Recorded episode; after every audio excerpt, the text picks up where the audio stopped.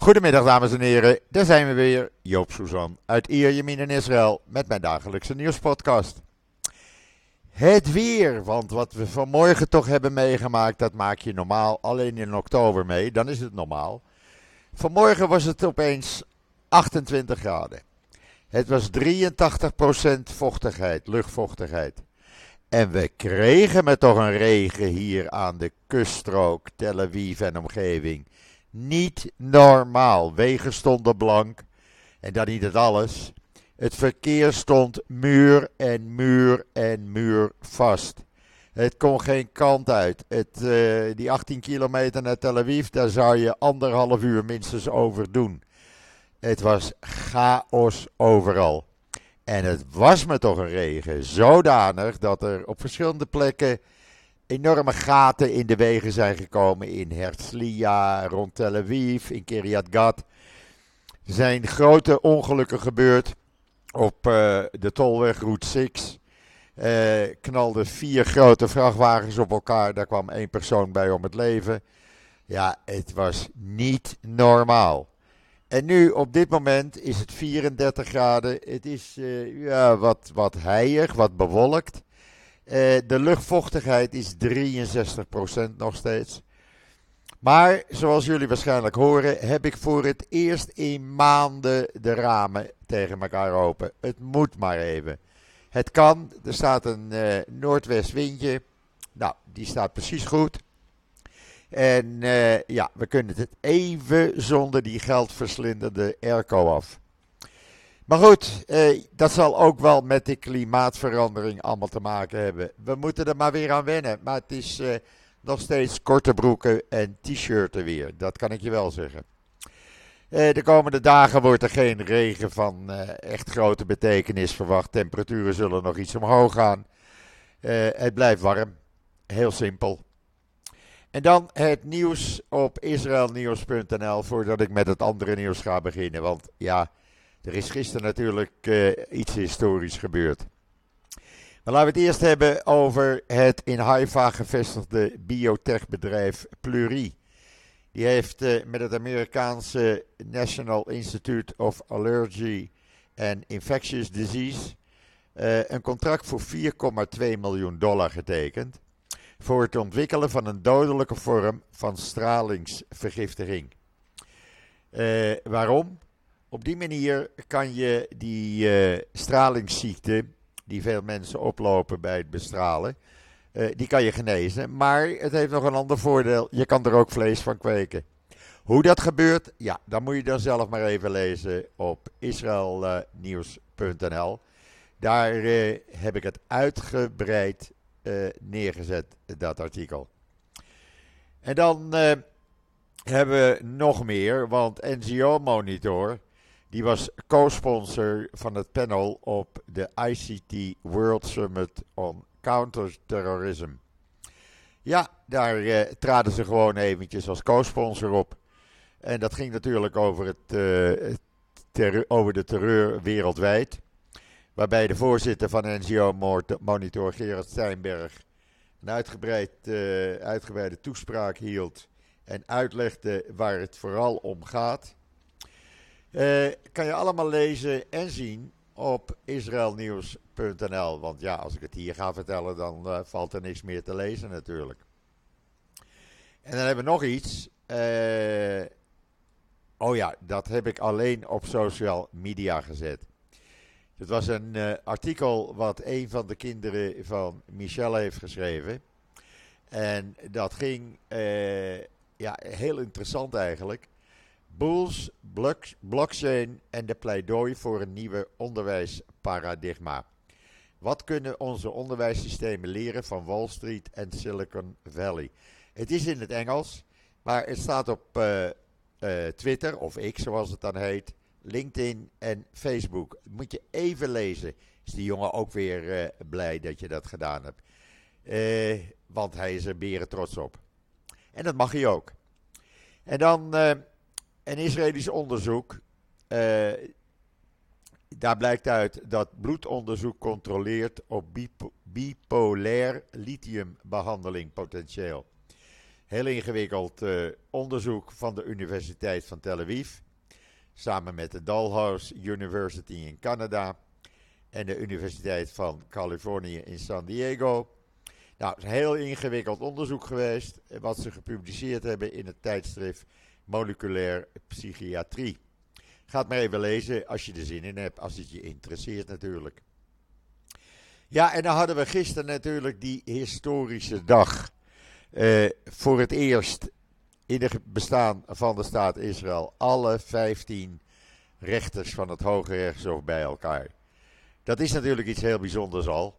Maar het ging ook om de vraag, uh, die uh, redelijkheidswet die Netanyahu en co willen afschaffen, moet je die nou afschaffen of niet? Ze hebben daar een basiswet van gemaakt. Want zeggen ze, een basiswet kan je niet uh, negeren, die kan je niet aantasten. Nou, het blijkt dat uh, uit deze hoorzitting kwam één ding duidelijk naar voren. De meeste rechters lieten blijken dat ze uh, tegen afschaffing van die redelijkheidswet is. Uh, rechter Isaac Amit, die wordt uh, gedoodverfd als de volgende president van het uh, Hoge Rechtshof. Die zei dat hij helemaal niet bezorgd is over extreme scenario's. Maar voegde die aan toe: democratie gaat niet onder aan een paar harde klappen. Democratie sterft in een reeks kleine stapjes. Ja, en dat is natuurlijk een waarschuwing die je goed in je oren moet knopen. Want uh, ja, als de rechtbank de, uh, deze wet dus gaat vernietigen, dan zullen we waarschijnlijk in een constitutionele crisis uh, aanbelanden. Want de meeste rechters hebben al gezegd dat ze een dergelijke uitspraak niet zullen respecteren. Ja, wat krijgen we dan? Dat weten die rechters ook. Wanneer ze met een uitspraak komen, ik zou het niet weten, het zal ergens begin oktober zijn. Misschien voordat uh, uh, mevrouw Hayut, de president van het Hoge Rechtshof, met pensioen gaat op 15 oktober. Zij had ook een hele duidelijke uitspraak. Ze zegt: Je kan niet zeggen dat ministers en het kabinet een redelijkheidsplicht hebben. Maar, eh, als er, geen, maar er is dan geen toezicht meer op de redelijkheid. En dat ontdoet de redelijkheidsdoctrine van alle inhoud. En dat betekent dat het alle rechtbanken in Israël verhindert om uh, te oordelen uh, over zaken. Want ja, dan, uh, dan is alles afgeschaft. ze zei daar ook bij: ministers nemen duizenden specifieke beslissingen of dragen hun autoriteit over aan gerelateerde gewone mensen in hun dagelijks leven. En eh, die komen dan klagen dat ze onredelijk zijn. In de meeste gevallen, zegt ze, komen we als Hoge Rechtshof niet tussen beide. Maar er zijn gevallen waarin er, er herstel moet worden verleend. En deze wet verhindert dat alle rechtbanken dit doen bij zoveel beslissingen. Ja, we gaan ons, uh, we gaan ons uh, uh, de komende weken maar voorbereiden op wat er gaat gebeuren. Want uh, Ravid Hecht, ja, zij schreef een artikel in, als opinie. En dat mag natuurlijk. Want ik krijg natuurlijk nu veel opinies. En ik heb hem ook online gezet. Was de hoorzitting van het Hoge Rechtshof over de staatsgreep Zwanenlied voor Israëls laatste liberale rechters? Want de hoorzitting ging over een belangrijk wetsontwerp om een staatsgreep mee te verrichten. En dat geeft acute zorgen voor de toekomst. Het religieuze conservatieve blok probeert de liberale kenmerken van Israël weg te halen en het Hof te ontdoen van zijn liberale rechters. En dit is nog het enige dat Israël ervan weerhoudt een et etnocratie te worden. Ja, uh, het zijn meningen. Uh, ik wil niet zeggen dat ik daarachter sta. Maar het zijn meningen. En uh, ja, zoals je zoveel meningen had gisteren natuurlijk. Er was ook een van de advocaten van de regering. Die, ja, die neemt de onafhankelijkheidsverklaring niet zo nauw. Ja, hoe hij het bij uit zijn hoofd, uit zijn mond kreeg. Ik begreep het niet, want de onafhankelijkheidsverklaring, die in 1948 is gemaakt en ondertekend, daar is de hele staat Israël op gebaseerd. En wat zegt deze, rechter, eh, deze advocaat van de regering? Dat de, de fundamentele onafhankelijkheidsverklaring van Israël, dat is een overhaast document dat door uh, een soort regering werd onderschreven en werd ondertekend door niet gekozen ondertekenaars die geen bron van wettelijke autoriteit kunnen hebben. Ja, sorry, als je als regering gaat stellen dat de onafhankelijkheidsverklaring een uh, stukje papier is waar je je kont mee af kan vegen. Ja, uh, waar zijn we dan uh, in aanbeland, vraag ik me dan af. Je kan dit lezen trouwens in de Times of Israel, maar ook alle andere kranten hebben het erover. dit kan gewoon niet. Je kan dit niet zeggen. en een van de rechters die vroeg dan ook. Dus deze 37 mensen waren onbevoegd om de over, overhaaste onafhankelijkheidsverklaring te ondertekenen.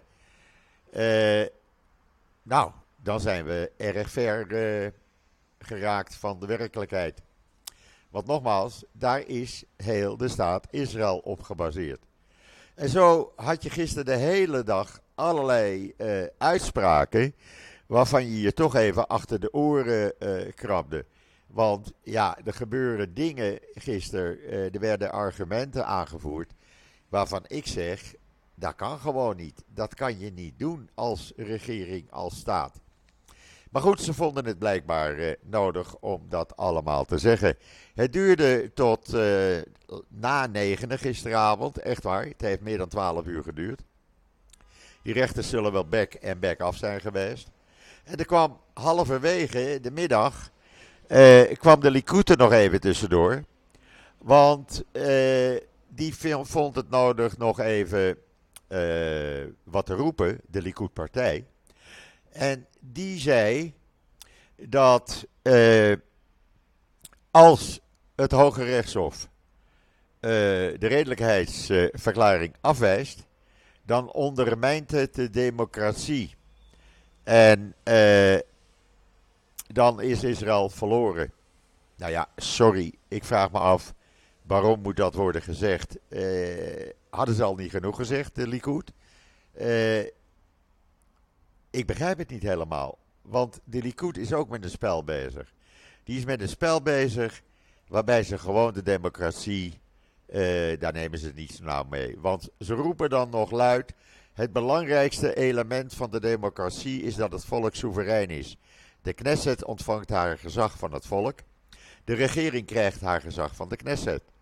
De rechtbank ontleedt haar gezag aan de basiswetten die door de Knesset zijn uitgevaardigd. En als de, het Hoge Rechtshof de basiswetten kan intrekken, is zij de soeverein in plaats van het volk. Nou, sorry.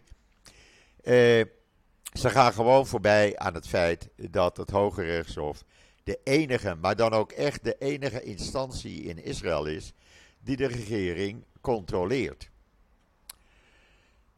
Uh, genoeg gezegd over uh, uh, deze historische dag gisteren. En dat zal nog wel even na-echoen.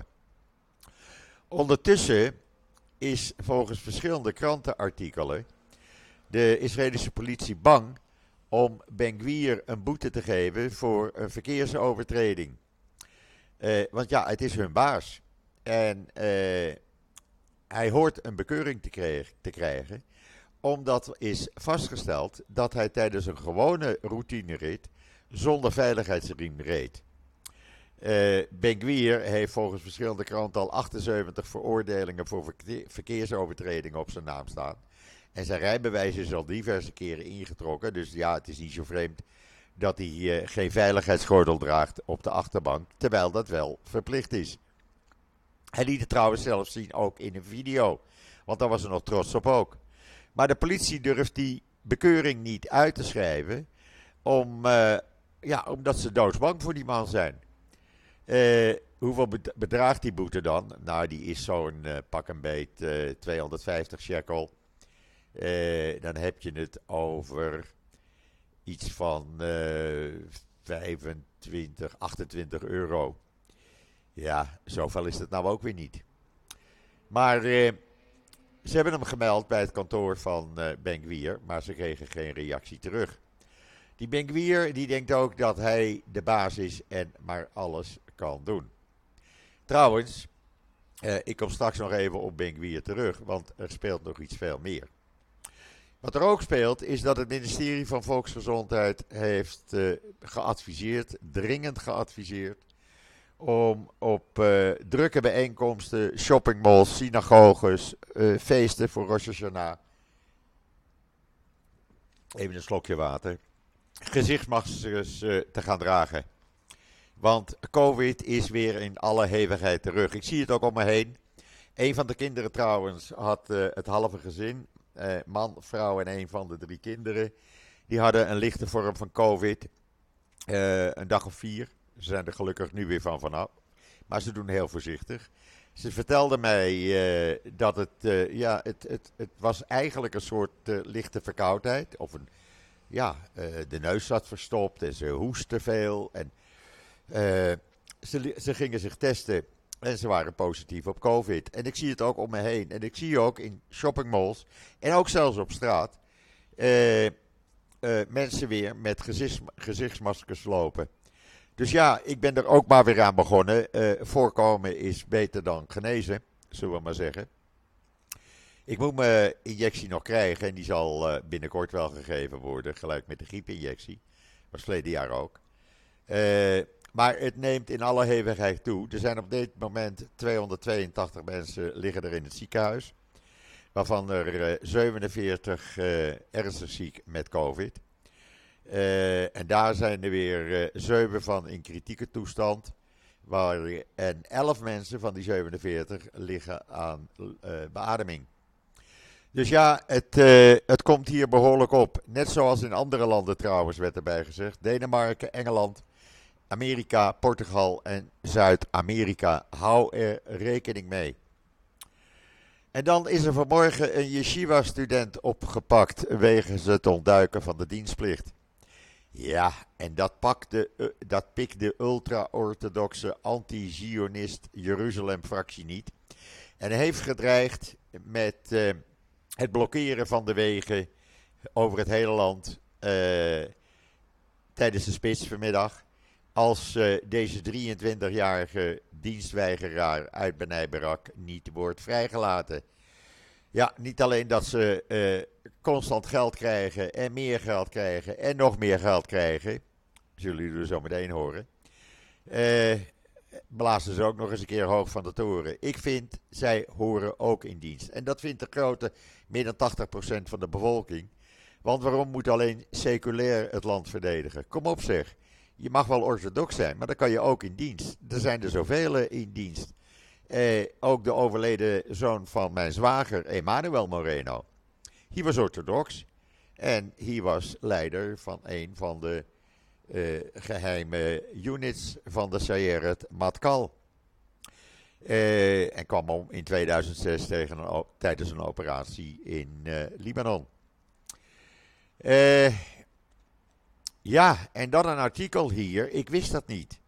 Ik had het gemist in de Nederlandse kranten. Maar het blijkt dat er in het Mauritshuis in Den Haag een tentoonstelling is uh, gestart. Gericht op het verwerken van het koloniale verleden van Nederland. Eh, onder de noemer geplunderde kunst. Maar daar blijken dus ook door de nazi's van Joden geroofde stukken tussen te zitten. Zoals een uh, zelfportret van Rembrandt, wat door de nazi's gejat was van de collectie van een Joodse familie. Staat in de Times of Israel. Het gaat niet alleen over Indonesië. Het gaat ook over wat uh, de Nederlanders en nazi's in Nederland gejat hebben van de vermoorde Joden. Staat in de Times of Israel. Maar ik had het gemist in, in de Nederlandse pers. Maar ja, je kan niet alles bijhouden, zullen we maar zeggen. Goed, als het aan de regering ligt, dan zullen in 2030 ongeveer 1,3 miljoen auto's in Israël elektrisch zijn. Dat zijn er nu nog 70.000. En dat betekent dat een derde van de auto's dan elektrisch is. Nou weet ik niet of het uh, laadsysteem dat aan kan. Want ja, op straat zie je eigenlijk geen laadpalen zoals in Nederland. Je moet het doen bij een uh, benzinestation. Daar hebben ze uh, opladers. en enkele keer dat iemand het bij zijn huis doet, maar dat zie je niet veel.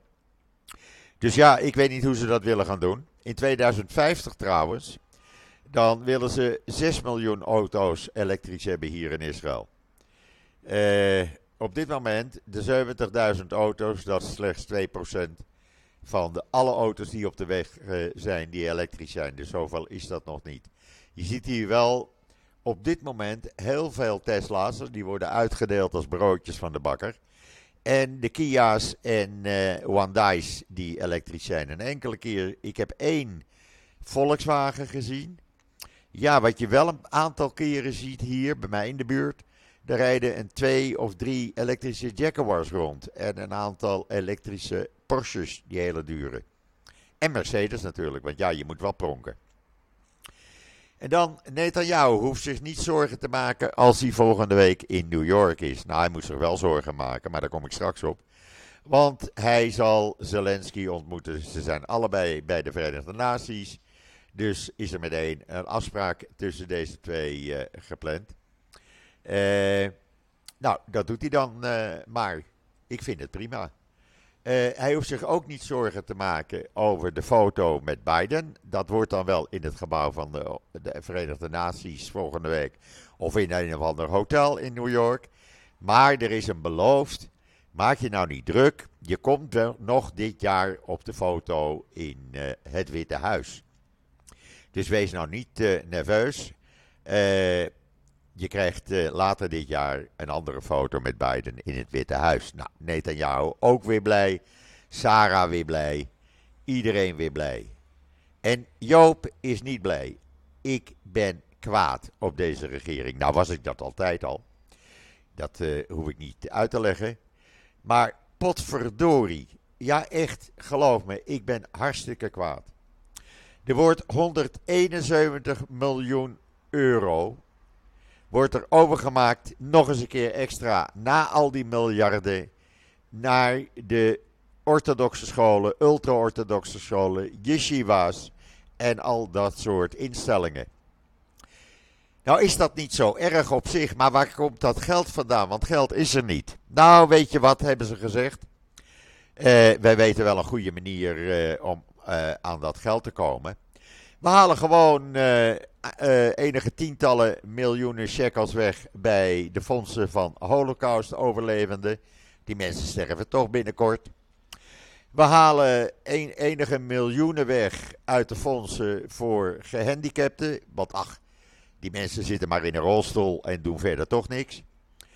Dan uh, gaan we het ministerie van Onderwijs ook nog eens een keer met zo'n 7,5 miljoen euro uh, korten. Want ja, leren, ach, is toch niet zo belangrijk. En wat we ook doen, we halen geld weg uit fondsen die werden gebruikt om meer schuilkelders te bouwen langs de grens met Gaza. We halen wat geld weg uit uh, fondsen die de sociaal-economische kloof in Oost-Jeruzalem en de Arabische gemeenschappen zou moeten verkleinen. En we gaan fondsen die lokale Joodse culturele projecten steunen. Die gaan we, daar gaan we ook even wat geld vandaan halen. Dan hebben de ultra-orthodoxen tenminste hun zin. Want zo was dat afgesproken in de coalitiebesprekingen. Nou, mag Joop dan kwaad zijn? Ja, Joop mag kwaad zijn. Want dit is nergens voor nodig. En deze regering, die negeert gewoon de gehandicapten, de zieken, de zwakkere, de mindere en de holocaust-overlevenden die er nog zijn. En zoveel zijn dat er niet meer. Kom op zeg, waar ben je als regering mee bezig? Je hebt geen hart in je lichaam. Echt niet. Als die ultra-orthodoxen hun zin maar hebben. Ik ben woest. En dan uh, even wat ander nieuws. Ja, ik moest dat even kwijt, maar jullie begrijpen uh, hoe ik me voel. De Palestijnse terreurfracties, ja, die moeten toch in conditie blijven. En die hebben gisteren een oefening gehouden onder leiding van Hamas. Een echte militaire oefening. Je kan de video zien in de Jeruzalem Post. En iedereen keek ernaar en uh, ja, deed verder niks. En dan uh, zegt de VN-vertegenwoordiger voor de Westbank, meneer Thor Wennesland. Hij zegt dat de Palestijnse terreurfracties vele malen beter bewapend zijn dan de Palestijnse Veiligheidsdienst. Ja, als hij dat nog niet wist, dat wisten we toch allemaal al.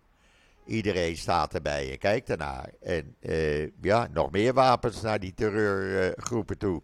Maakt allemaal niet uit. Ze moorden elkaar gewoon uh, het land uit, zullen we maar zeggen.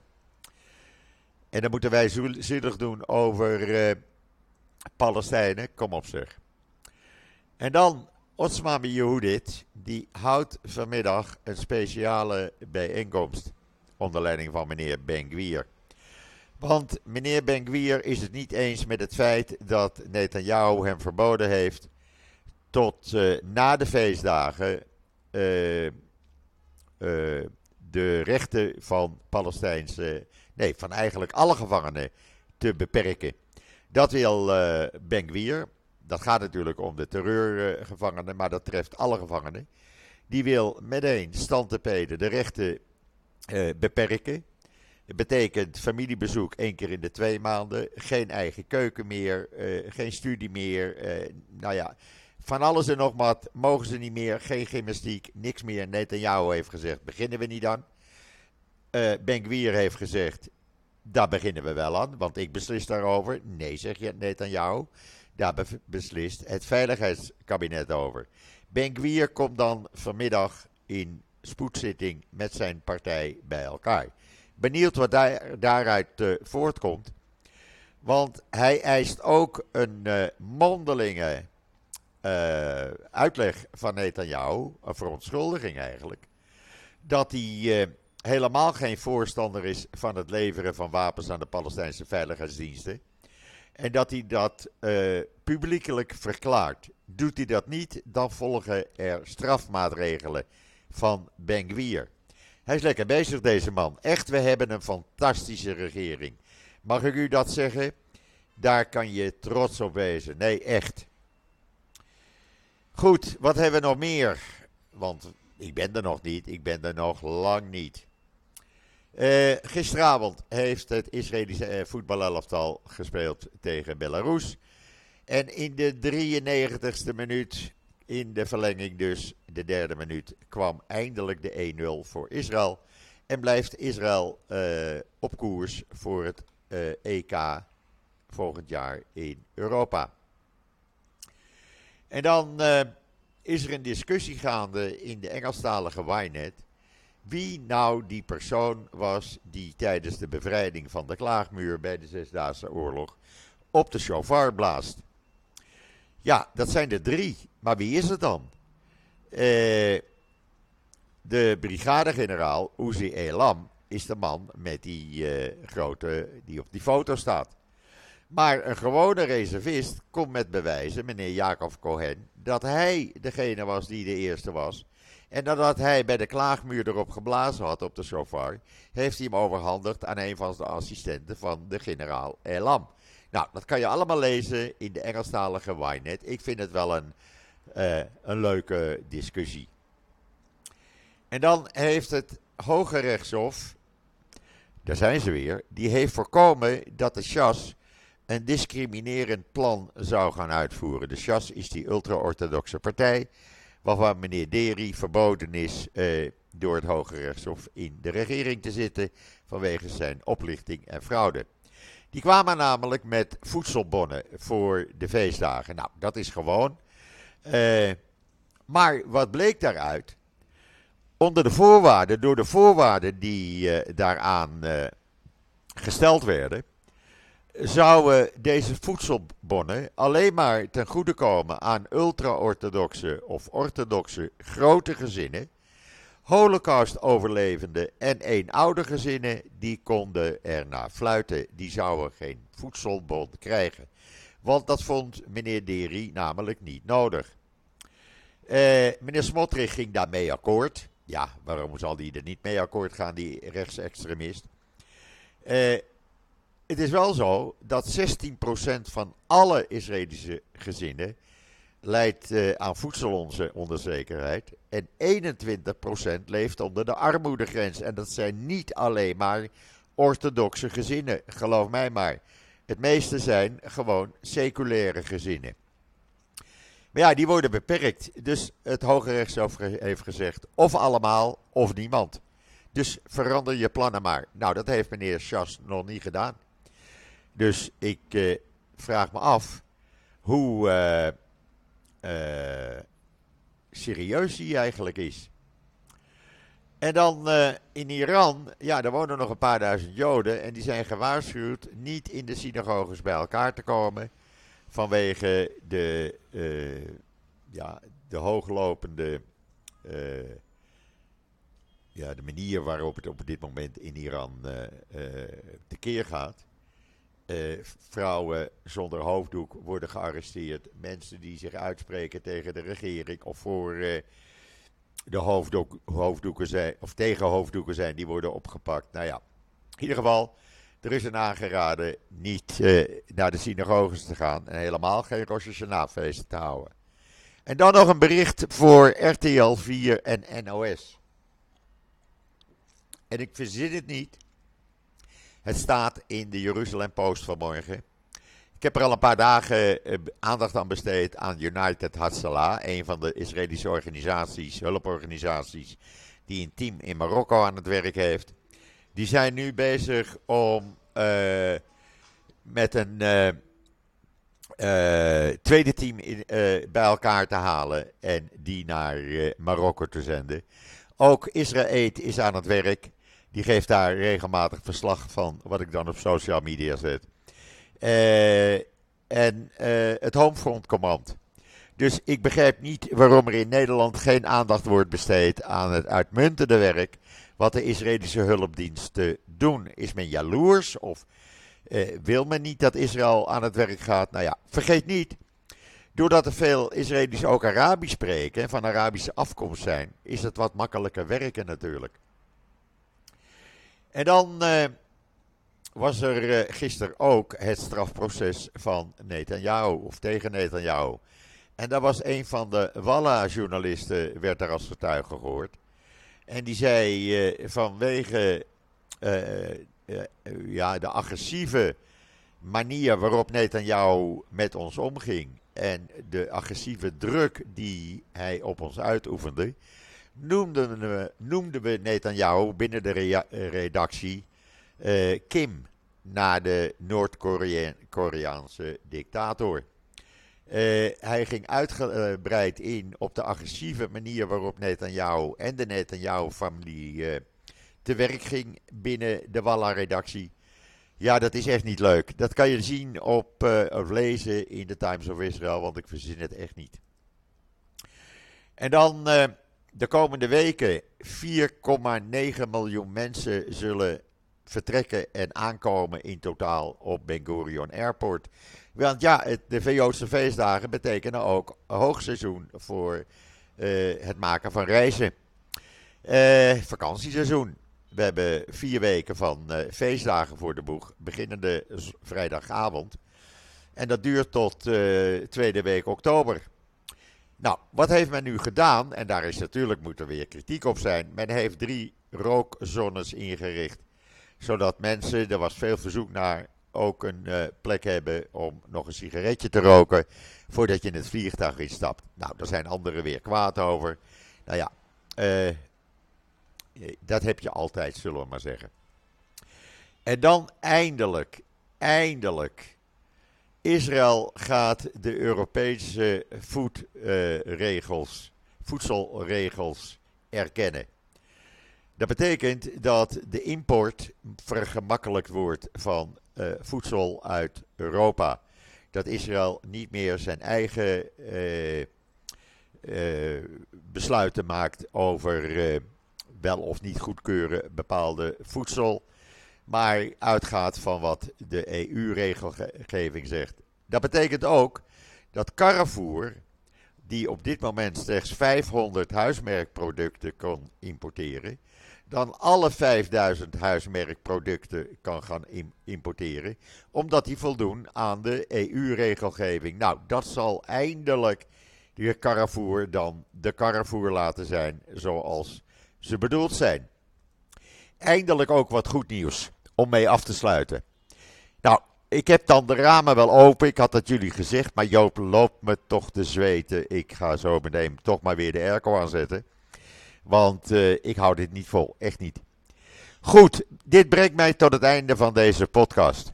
Morgen heb ik uh, Roland Kaan. Dan kunnen jullie zich uh, er alvast op voorbereiden. We hebben afgesproken dat we het veel over die historische zitting van het Hoge Rechtshof en de gevolgen daarvan gaan hebben. Dus dat wordt een leuke discussie. Ik verheug me er nu al op. Goed. Wens ik iedereen nog een fijne voortzetting van deze woensdagmiddag, de 13e september. Ik ben er morgen weer en zeg zoals altijd: tot ziens. En Mickey ook. Tot ziens.